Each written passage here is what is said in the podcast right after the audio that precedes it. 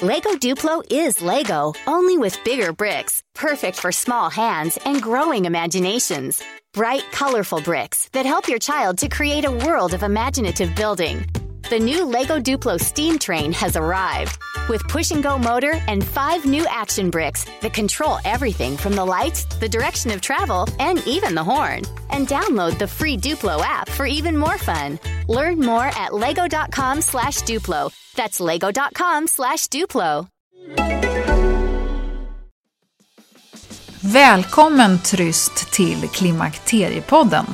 Tryststockholm.com är sajten som jag tycker att du ska besöka. Här hittar du träningskläder för aktiva kvinnor. De är snygga, bekväma, stilrena i designen, passar både på fritiden, på väg till och från träningen och också under passet. Jag har själv nästan lite svårt att komma ur kläderna efter passet för de är så sköna.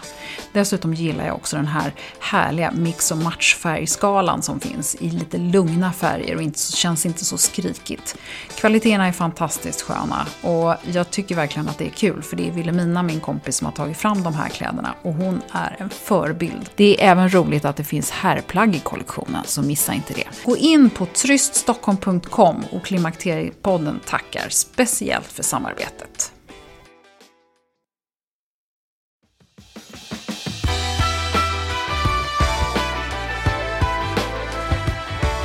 Välkommen tillbaka till Klimakteriepodden och det här är avsnitt nummer 10 som jag har valt att kalla Nycklar för en lycklig relation som Helena Severs ska hjälpa oss med. Hon är sexolog, barnmorska och parterapeut och hon är känd från TV och Gift vid första ögonkastet.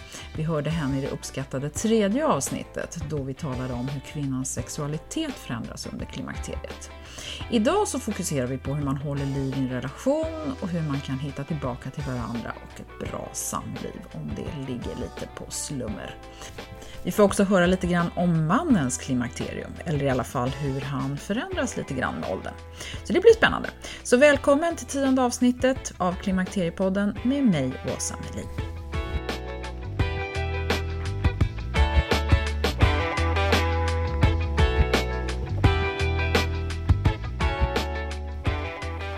Då är vi tillbaka! Trevligt. Ja, Helena Severs i Klimakteriepodden igen. Vem trodde det? Fantastiskt att ha dig här. Jätteskojigt att vara här. Ja, jag eh, är så himla eh, nyfiken på nu att höra mer om Gift vid första ögonkastet. Mm. Där du var eh, en av experterna. Och där var ju du sexolog.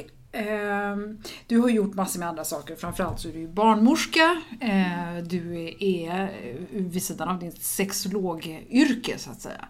Eh, och du har jobbat med kvinnor i massor med år ur olika aspekter. Du har ditt fantastiska eh, projekt också med utsatta kvinnor som du har jobbat med länge. Det pratade vi om förra gången att du har fått eh, mångfaldspriset i Malmö för dina fantastiska insatser för dessa kvinnor som är dina töser kan vi dina töser, men det är underbart.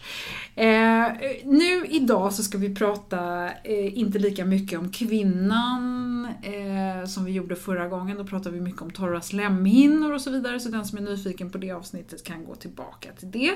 Eh, idag tänker jag istället att vi ska eh, fokusera på relationen. Och, och därför så tycker jag att då kommer vi liksom in på det här. Vad var din uppgift i det här, eh, Sverige, ett av Sveriges mest sedda tv-program, eh, Gift vid första ögonkastet. Mm. Berätta om vi kommer in på relationen och det spåret. var, för det första var det ju något av det roligaste jag gjort i mitt liv. Det var fantastiskt trevligt att vara med i detta programmet. Och min uppgift där var främst att titta på attraktion.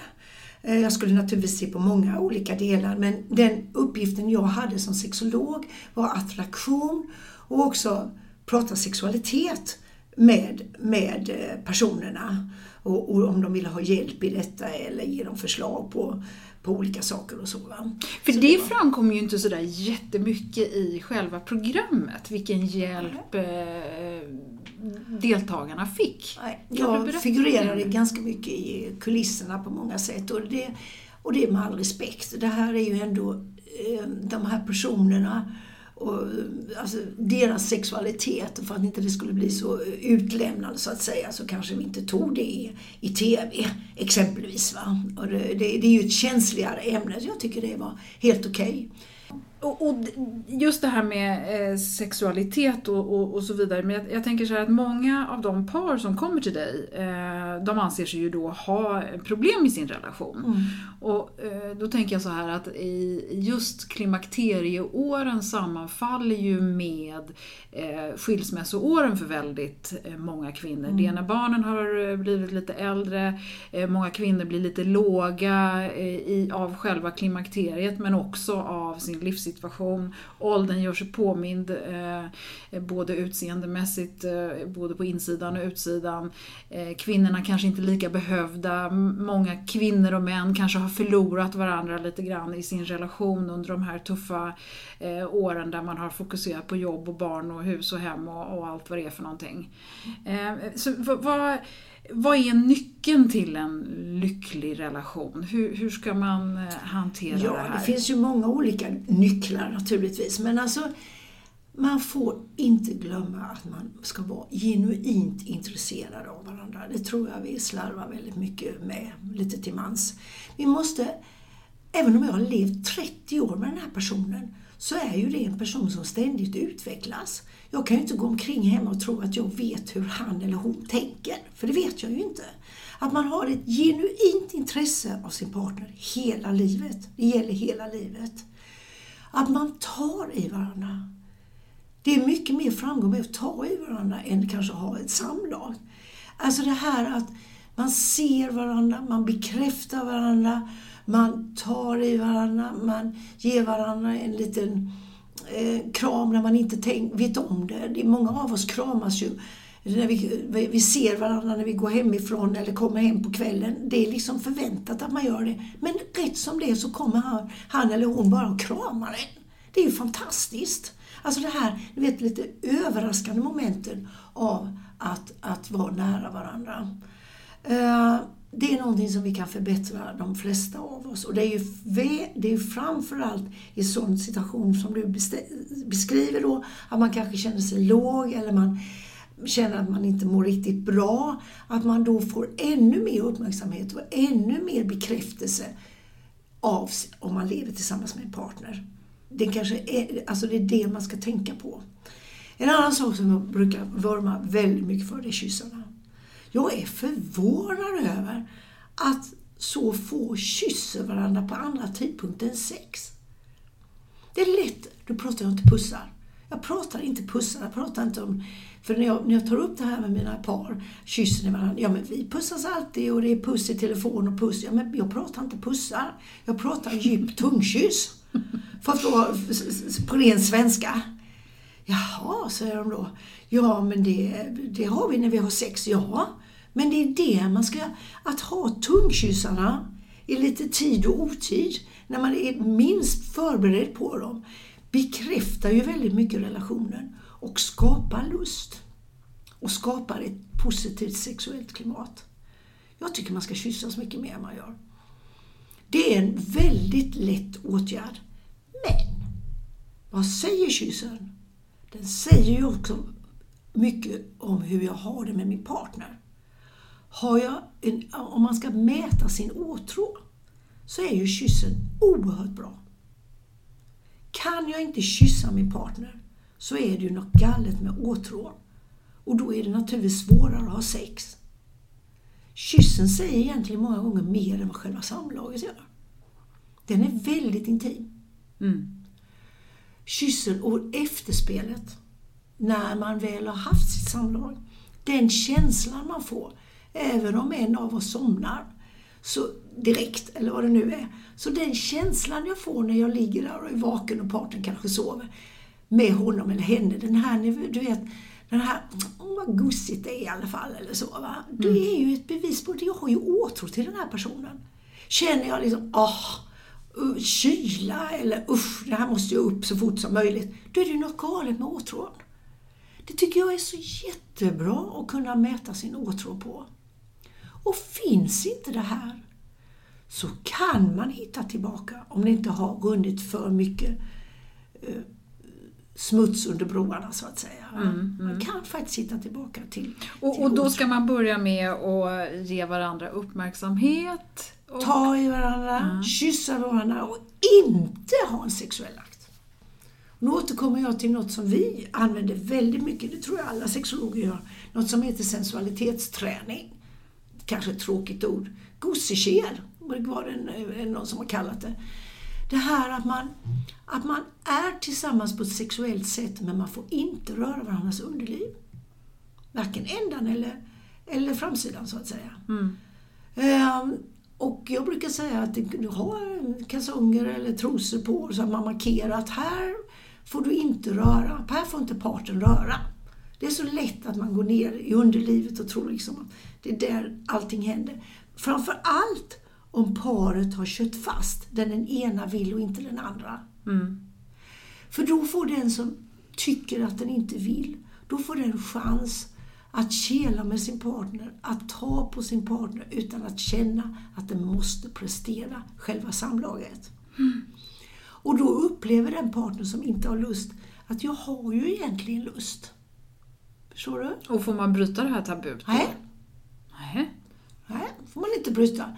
Även när man börjar känna det här, nej. Och sen den andra parten, som ju då inte så att säga har något fel inom citationstecken.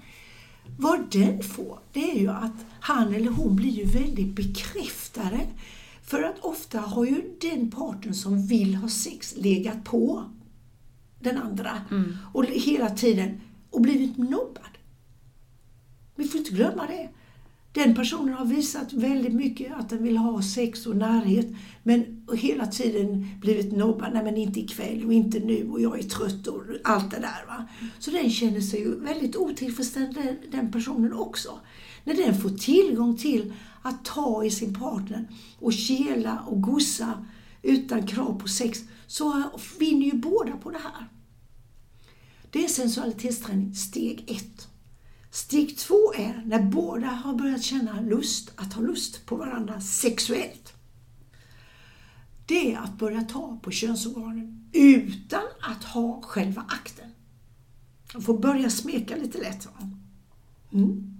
Och det tredje steget är då att det blir samlag utav det hela. Och hur långa är de här olika intervallerna ja. då? Det, ja, just det. Den frågan får man nästan alltid. Så, ja, det kan ta tre år, säger jag då. då. Va?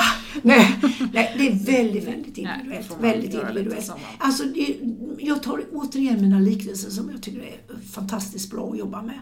Att det är, det här är ett par som går i en smal kanal med en båt. Det går de bara åker samma sträcka hela tiden. Det är nästan samma vyer hela tiden. De har försökt vända båten, men inte lyckats. De kanske har försökt prata, de har gjort massor med saker. Det har inte lyckats. Då behöver de en proffskapten som hjälper dem att vända båten. Mm. Och när de väl har vänt båten så hittar man en ny väg med nya vyer och nya breddningar. Och det kanske bara blir bättre och bättre. Men man behöver inte ha proffskaptenen med på hela den här resan. Utan proffskaptenen ska ju vara med och vända båten. Det är likadant här. Att man har med någon form av terapeut men man vänder den här akten.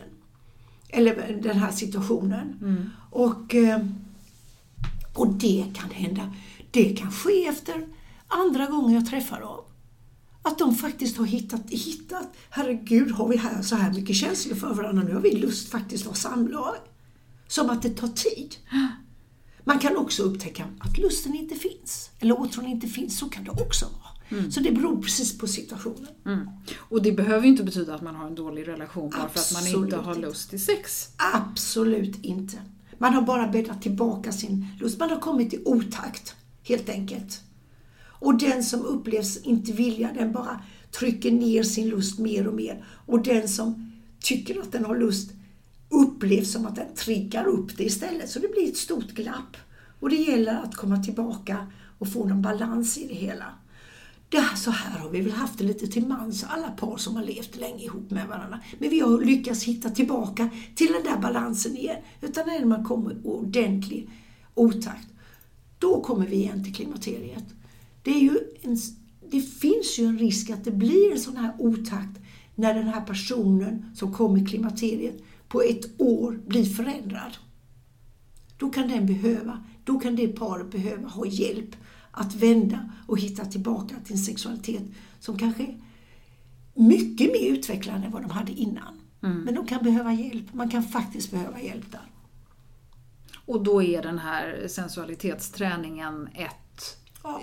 gott råd ja. så att säga. Och, och, många av oss har ju försökt det själva. Vi har, eh, ja men nu ska vi inte ha samlag på två veckor. Men sen när det, när det blir helgen, ja men nu är vi ju på hotell, ja men nu måste vi väl ha samlag i alla fall. Alltså förstår du? Man har ingen som håller i det hela. Det är väldigt bra att ha någon lärare, situationstecken, någon terapeut som direkt ger instruktionerna på hur det här ska gå till. Mm. Och det är väldigt många som hittar tillbaka till varandra. Jag vet att du eh, har eh, hållit väldigt mycket föreläsningar i, dina dagar och ett av mm. dina eh, bevingade ord är det här Why not? Jag, mm. jag gillar det. Eh, kan du inte förklara eller bara mm. berätta vad du menar med det? Alltså, why not? vill man missförstå why not så kan man ju faktiskt göra det. Men alltså med why not så är det så här. För det första är det etablerade par som har kommit i otakt. Why not handlar inte om att ställa upp på sex om man inte vill. Why not handlar inte om när man har ont eller befinner sig i situationer när man inte vill ha sex. Det här handlar om dig och mig. Jag kan ta ett exempel. Jag kommer hem i eftermiddag och min man säger vill du följa med på fotboll? Jag har ingen lust att gå på fotboll när halvregnar ute. Har jag tre val. Jag skickar honom själv. Så kommer han hem på kvällen och så säger han Vad synd du inte var med Helena.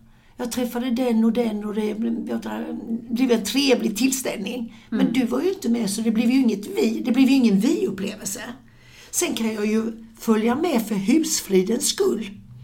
Jag är, tycker inte alls det ska bli kul. Jag vill inte, men jag gör det för hans skull. Sen är jag sur i bilen och sur på fotbollsplan. Men han får ju vara tacksam, jag ställer ju upp för hans skull. Det är fullständigt det förödande. Men så kan jag ju också tänka, alltså jag har egentligen ingen lust, men han vill så hjärtans gärna att jag följer med. Ja, men då gör jag det för vår skull. Och så bestämmer jag mig för att det här, men jag måste ju åtminstone veta vilket lag jag ska heja på. Och jag måste vara genuint intresserad av att göra något bra av situationen. Så kanske det är jag som tycker bäst om fotbollsmatchen. Det är why not? Det är väl massor med sammanhang man kan tänka så. Mm. Lika med sex. Mm. Om man ligger där på kvällen och så låt oss säga parten gärna har velat och liksom pockat på lite och jag är bara trött. Och det är klart är jag så trött så att jag absolut inte kan tänka mig det, då ska man ju inte ha det. Men det kan ju också vara lite lättja. Att jag istället tänker, ja varför inte? Och så bestämmer jag mig för att det är ju faktiskt riktigt eh, gosigt att hålla på och chilla med, med den här partnern och kyssa honom eller henne eller vad det nu är, eh, vilken partner man än har. Alltså det här, min inställning till att jag tycker det här är härligt. Det är lite varför inte istället för att nej, nej, när jag är trött, nej, nej, nej. Jag går in i de här negativa tankarna. Det var ju något. Mm. Och, och, det är ju eh, också ett sätt att bekräfta varandra, Absolut. eller hur? Absolut, det är väl i allra högsta grad det.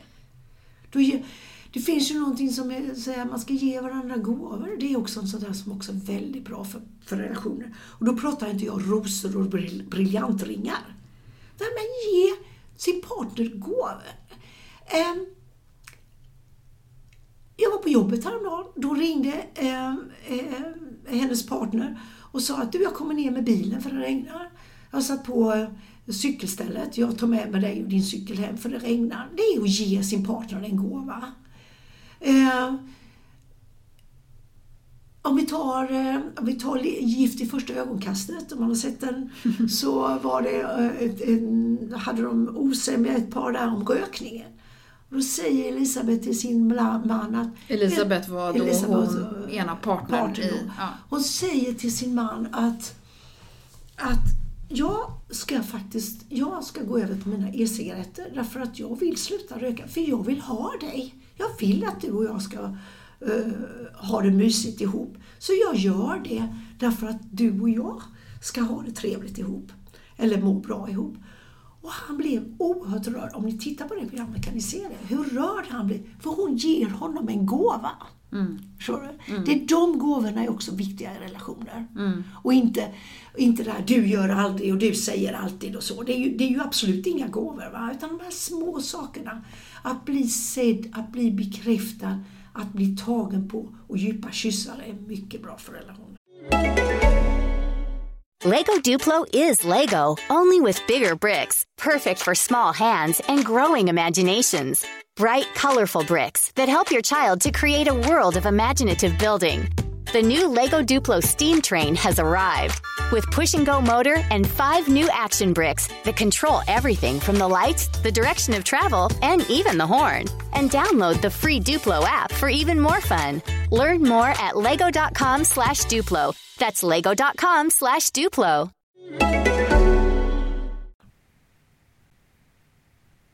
Och om vi kommer tillbaka till det här med, med eh, gift vid första ögonkastet så, så pratade du också lite grann, jag tyckte om den liknelsen med vatten som kokar. Ja, just. Att du, du ja, Ja. när du börjar en relation så har, är det, ja, det är iskallt, det kommer direkt ur Ja, kranen. just det, just det. Berätta vad Ja. du menar med Alltså det. när man börjar på Gift med första ögonkastet så kan man säga att det är helt kallt vatten. De har ju aldrig sett varandra när de gifter sig. Då är det kallt vatten. Om man träffar en partner som man blir stormförtjust i redan första kvällen då kan det ju koka så att det kokar över. Alltså det är ju förälskelsen, va? det är ju 100 grader. Det, kan, alltså det kokar ju bort hur snabbt som helst om det ska koka i 100 grader i flera år. Det går ju inte. Man kan inte koka i 100 grader hela. Förälskelsen varar inte hela livet. Kärleken är något annat, men just förälskelsestadiet, det är 100 grader. Men att ha ett vatten som är varmare än 37, det vill säga bränner mig lätt om jag sticker ner fingret. Det kanske ligger på 70 grader. Det är en väldigt bra relation. Mm. Det kokar inte, men det är varmt. Nej, och där, där är då, då kommer vi tillbaka till hur får man vattnet att ligga på en, en, en, bra temperatur. Ja, men det är ju allt det här jag Det är bekräftelserna Ja. och det är kyssarna. Och sen, och det, eh, ja, och då kan man ju säga att man börjar ju se upp, får ju se upp när det är, eh, när det är fingervarmt. Mm. Är det 37 grader, då börjar det bli illa. Mm. Då börjar man att gå på minussidan. Då måste man ju sätta till lite fyr under så det blir lite varmare. Det är då man tar till det här. Mm. Eh, eh, Och det gör jag med mina par. De kan få göra som du hade kommit med din, med din partner. Så här hade ni fått rita, eh, skriva vilken temperatur tycker du att ni har på er relation? Så hade du fått skriva upp det. Mm, det är intressant. får- ja, och så- då, då antar jag att väldigt många upplever det olika. Absolut.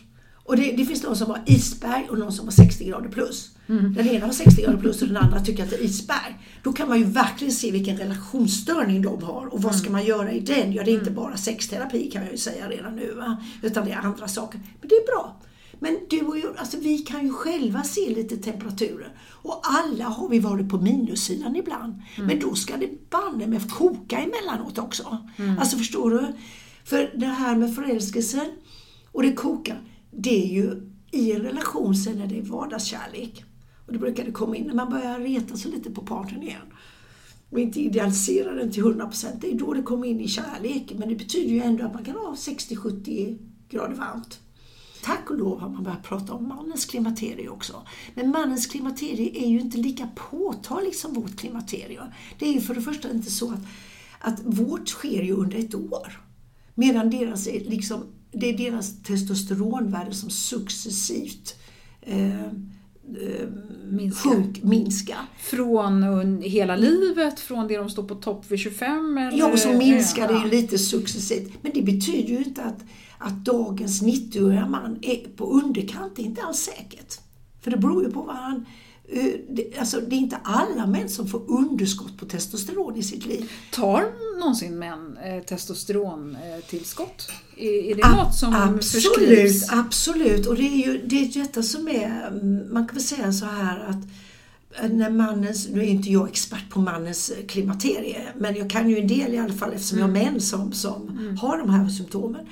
När mannen börjar känna, han har ingen lust till sex alls. Han känner en påtaglig förändring. Det var som en man sa till mig häromdagen, jag känner mig som en kastrerad katt. Det spelar ingen roll alltså, vad som kommer förbi, jag lyfter inte ögonlocken. Han känner att det sker en förändring med hans sexualitet. Det behöver inte vara testosteronbrist, det kan vara andra orsaker.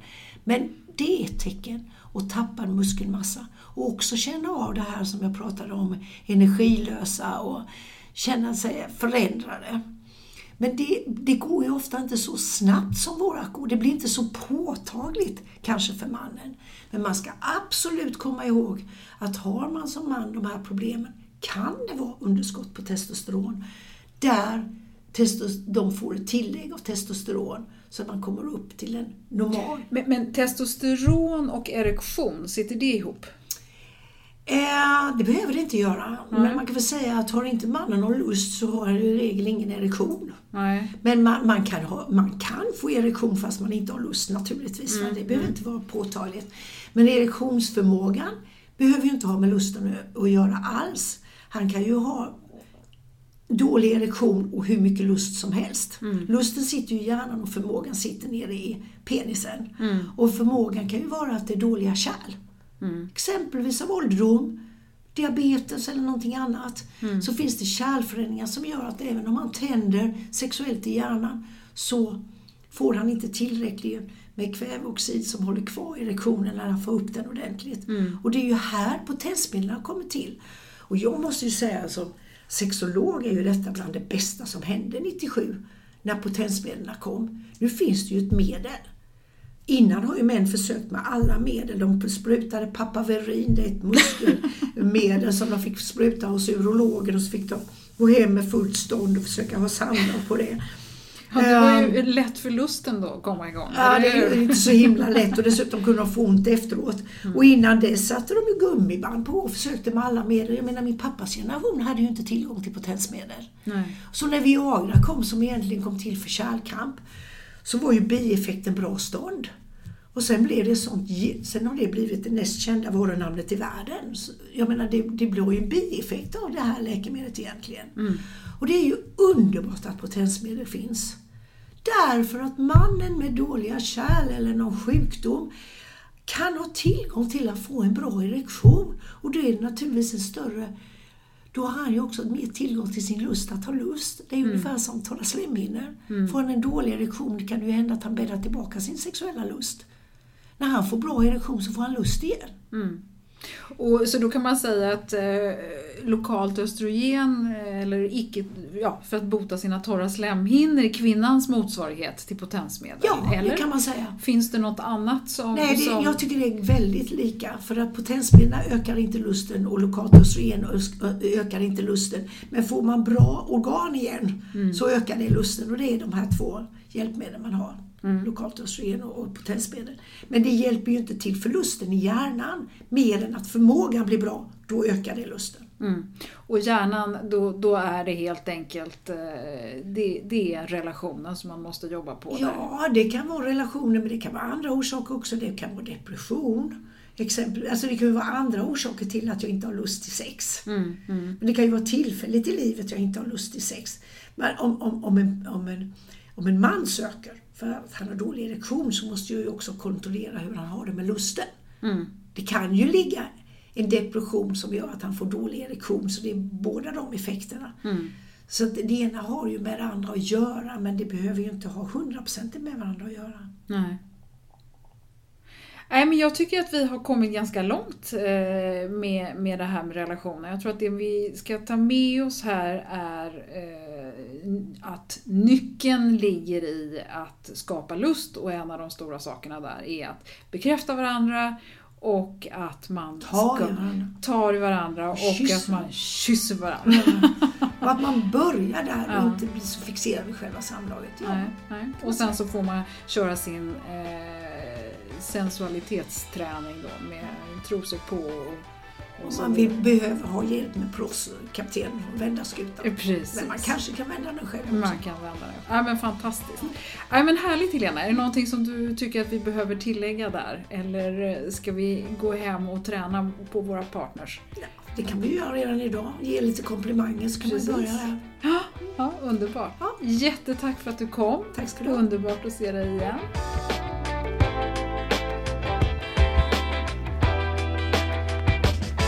Ja, det är lätt att tycka om Helena. Hon är en person som har handfasta råd. Jag tycker också att det är väldigt intressant att höra om mannens förändringar och det är många lyssnare som har bett mig att ta upp mannens motsvarighet till klimakteriet och det kommer mer, jag lovar. I nästa avsnitt så ska jag träffa professor Tor Nässén och han är verksam på Uppsala Akademiska sjukhus och han har bland annat forskat om hjärnans påverkan av klimakteriet. Och då kommer vi prata lite grann om humör och vi kommer också prata om varför han kallar östrogen för livets hormon. Så det blir ett spännande avsnitt. Vill du komma i kontakt med mig, Åsa Melin, så mejla på info.klimakteriepodden.se. Kika gärna in på hemsidan, där kan du också hitta avsnitten om du vill dela dem med någon. Facebook-sidan, där finns det alltid lite intressanta länkar och information. Och så hoppas jag att du vill dela eh, och tipsa dina vänner om podden. Ehm, då så är det dags att säga adjö för den här gången och tack för att du har lyssnat. Hej då!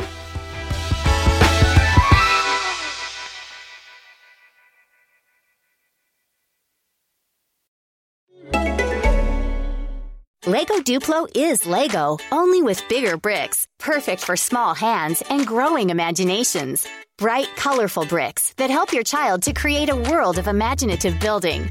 The new Lego Duplo steam train has arrived with push and go motor and five new action bricks that control everything from the lights, the direction of travel, and even the horn. And download the free Duplo app for even more fun. Learn more at lego.com slash Duplo. That's lego.com slash Duplo.